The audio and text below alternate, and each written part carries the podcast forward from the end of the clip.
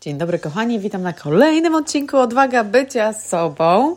E, odcinku podcastu, oczywiście. E, dzisiaj, w sumie w tym tygodniu, e, mamy taką serię podcastów, e, trochę krótszych, które są powiązane z planowaniem e, nowego roku. Ale nie tylko nowego roku. Tak naprawdę e, to wszystko, o czym mówię w tych odcinkach w tym tygodniu, Możesz zacząć planować kiedy chcesz. Możesz to, może to być Twój plan na miesiąc, może to być plan na następne 5 lat, na tydzień.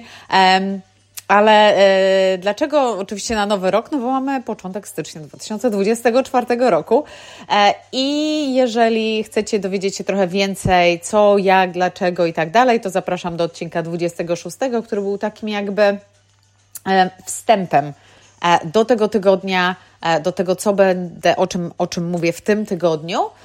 I dzisiaj na przykład e, tematem będzie tą kolejną kategorią, którą zawsze planuję na nowy rok, e, ale nie tylko na nowy rok, ale zawsze daję taki, e, takie spojrzenie z lotu ptaka, z detalami również, to są finanse. To nie jest też coś nowego. E, od dłuższego czasu już to robię. Że właśnie patrzę na 12 miesięcy do przodu, e, patrzę na kwartały, patrzę e, co, gdzie i jak, co trzeba zmienić, co bym chciała zmienić, co jest super, czego tutaj nie potrzebuję.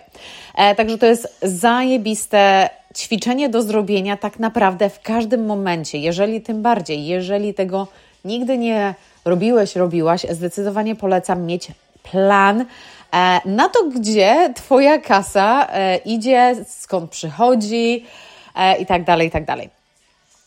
To też wiecie, w czym pomaga, żeby zobaczyć, gdzie wydajemy kasę niepotrzebnie, albo gdzie mamy jakieś subskrypcje, których w z których w ogóle nie korzystamy. Także to jest naprawdę zajebista sprawa. Ja to robię w Excelu, tylko, znaczy na Google Sheets, czyli to jest taki odpowiednik Excela e, na Google. Jeżeli ktoś z Was chciałby mój template, E, to dajcie mi znać na Instagramie, na moim polskim Instagramie monikatod.pl albo mm, jeżeli jesteśmy połączeni na Facebooku czy na moim angielskim Instagramie, to jak najbardziej tam też e, możecie. Także jeżeli chcielibyście mój template na cashflow, e, to zachęcam, żeby coś takiego zdecydowanie mieć. Możecie sobie sami to wykreować, możecie znaleźć sobie gdzieś tam w internecie template albo tak jak nie, możecie sobie ode mnie też e, wziąć ten template. Więc jak ja patrzę właśnie na ten rok z perspektywy finansów, tutaj też nie daję sobie jakiegoś konkretnego um, celu, który chcę osiągnąć, jeżeli chodzi o dochody, dlatego że mam um, duże, dużą wizję, jeżeli chodzi o, o to, skąd kasa będzie przychodzić i tak dalej ale niekoniecznie daję tutaj datę do tego. Ale co planuję? Oczywiście planuję na rok. Mam, mam cel, tutaj mam taki cel, ale akurat celu tego nie zdradzę. Um, ale e, co robię, to właśnie na, na początku, no, zazwyczaj to robię w grudniu, pod koniec grudnia, e, właśnie e, dodaję wszystkie rzeczy, które po prostu wiem, że będą za które będę płacić, e, skąd będzie kasa przechodzić, tak dalej, tak dalej. Także taki plan robię. E, mam u góry część, gdzie są przychody, na dole część, gdzie są osobiste wydatki i jeszcze niżej część, gdzie są biznesowe wydatki.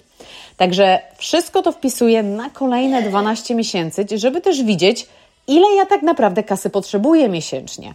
Oczywiście surplus zawsze jest zajebisty, my możemy to w oszczędności dać, możemy zainwestować, e, możemy uzbierać na wakacje i tak dalej, cokolwiek to jest, zawsze zajebiście mieć ten właśnie surplus gdzieś tam wytworzony, ale czasem tak jest, że no jest e, tight, e, no jest tak ciężko, że kurczę, no tyle aż potrzebuję miesięcznie, a skąd ja tą kasę będę mieć?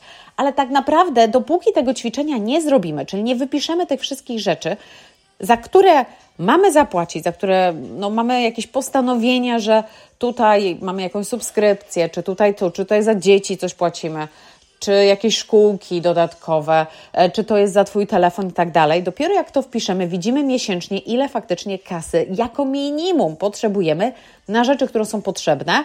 Potem oczywiście e, będą rzeczy też zawsze, które są elastyczne, czyli na przykład zakupy.